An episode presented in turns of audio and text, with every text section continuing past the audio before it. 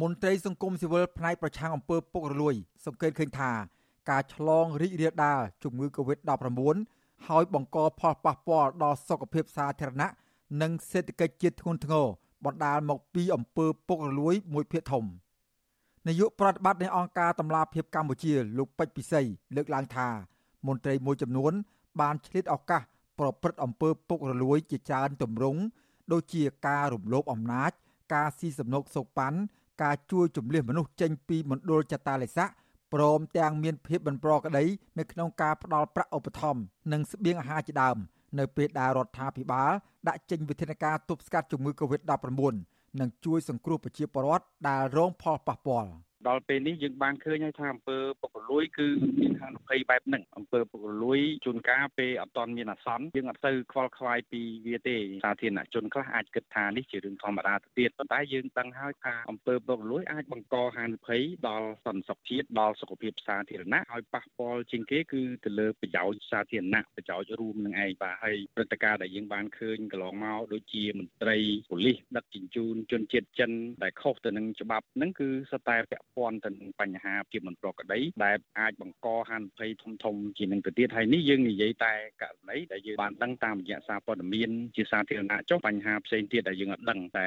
អាចរឿងធំជានឹងទៀតការលើកឡើងរបស់មន្ត្រីអង្គការសង្គមស៊ីវិលបែបនេះគឺដោយសារតែការផ្ទុះឡើងជំងឺ Covid-19 នៅក្នុងសហគមន៍ជាលើកទី3អាចផ្ដើមចេញពីករណីមន្ត្រីសន្តិសុខពីររូបទទួលសំណូកហើយរំដោះជនជាតិចិន4នាក់ចេញពីកន្លែងចតាលិស័ក ដើម្បីទៅដើរលេងនៅក្នុងក្លឹបកម្សាន្តក្រោយមករដ្ឋាភិបាល បានចេញវិធានការជាបន្តបន្ទាប់ដើម្បីទប់ស្កាត់ជំងឺ Covid-19 ដូចជាបិទការធ្វើដំណើរឆ្លងកាត់ពីខេត្តមួយទៅខេត្តមួយរួមទាំងបិទគប់ទីក្រុងភ្នំពេញនិងក្រុងតាខ្មៅនៃខេត្តកណ្ដាលផងដែរប៉ុន្តែមន្ត្រីរដ្ឋាភិបាលមួយចំនួន ហាក់មានឱកាសរកស៊ីកាក់កបខ្លាំងតាមរយៈការខុបខិតគ្នាស៊ីសំណូកសោកប៉ាន់ពីមេខ្យល់នៅតាមព្រំដែននិងពីជនជាតិចិនមួយចំនួន ជាថ្នូរនឹងការលួចដឹកជញ្ជូននិងផ្ដាល់មធ្យោបាយធ្វើដំណើរដល់ពួកគេ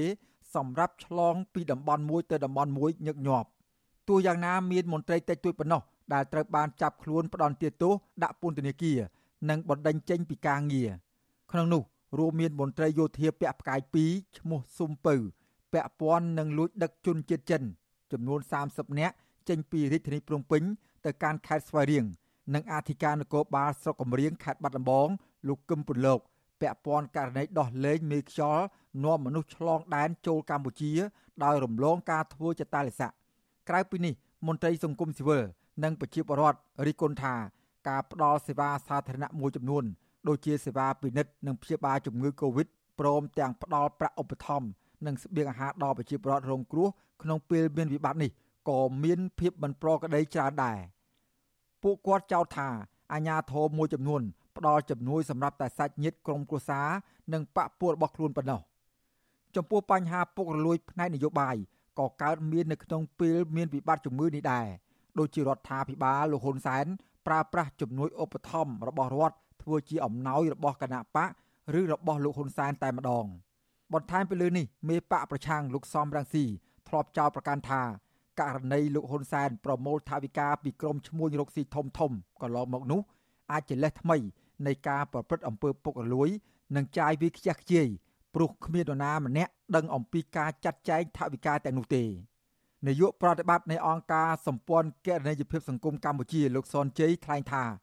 ក្នុងពេលនៃការអនុវត្តវិធានការសាធារណៈដូចជាវិធានការរបស់ក្រសួងសុខាភិបាលនេះប៉ុន្តែមន្ត្រីមួយចំនួនល្មើសនឹងវិធានការទាំងនោះ ដោយអាងអំណាចឬឆ្លៀតកេងចំណេញផលប្រយោជន៍ផ្ទាល់ខ្លួនជាដើមគឺសុទ្ធតែចាត់ចូលនៅក្នុងអំពើពុករលួយ